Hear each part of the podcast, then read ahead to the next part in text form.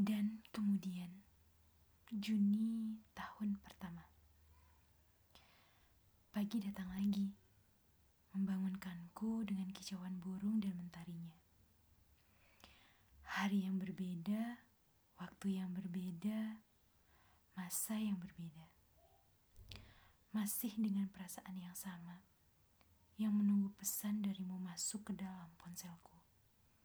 Sekadar selamat pagi akan jadi dua kata paling hebat untuk mengawali hariku. Ternyata tidak ada. Buku yang tergeletak di sebelah pemutar musik sudah tiba pada halaman terakhir. Kata mereka, hidup ini harus seperti membaca buku. Kita tak akan bisa lanjut ke bab berikutnya jika terus terpaku di bab sebelumnya. Namun, mengapa hidupku lebih mirip satu lagu yang sudah bersenandung ratusan kali di pemutar musik sedari malam? Terus berputar balik tanpa pernah bosan kunikmati kesenduannya. Lagi-lagi, imajinasi menertawakanku karena selalu berhasil menemuimu. Sementara realitas dalam realitas, kita berdua hanyalah dua orang yang berlari. Sibuk mengejarmu, kau sibuk menghindariku. Oh, tenang. Aku tidak lelah. Justru aku menikmati prosesnya. Kemudian pagi kembali berganti malam. Repetisi yang tidak lagi membosankan semenjak kau hadir. Mata coklatmu yang indah, dicampur senyummu yang berseri, tak pernah gagal membuat jagat rayaku meledak menjadi jutaan kembang api.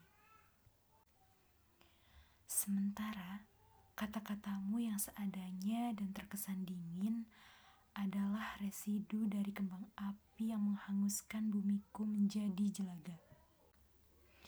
Gelap lagi-lagi aku menantimu seperti menanti cahaya.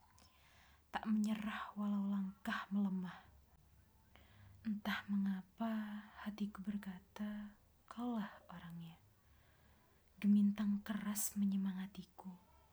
Terlalu jauh sorak-sorainya untuk kunikmati.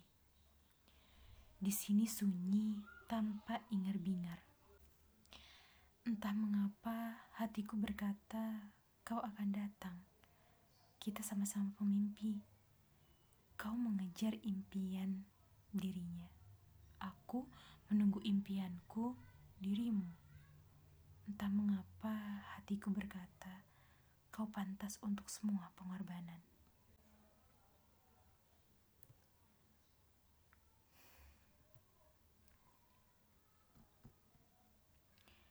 Menyayangimu sangatlah mudah aku bisa melakukannya berulang kali tanpa pernah merasa bosan. Yang sulit itu cara menunjukkannya.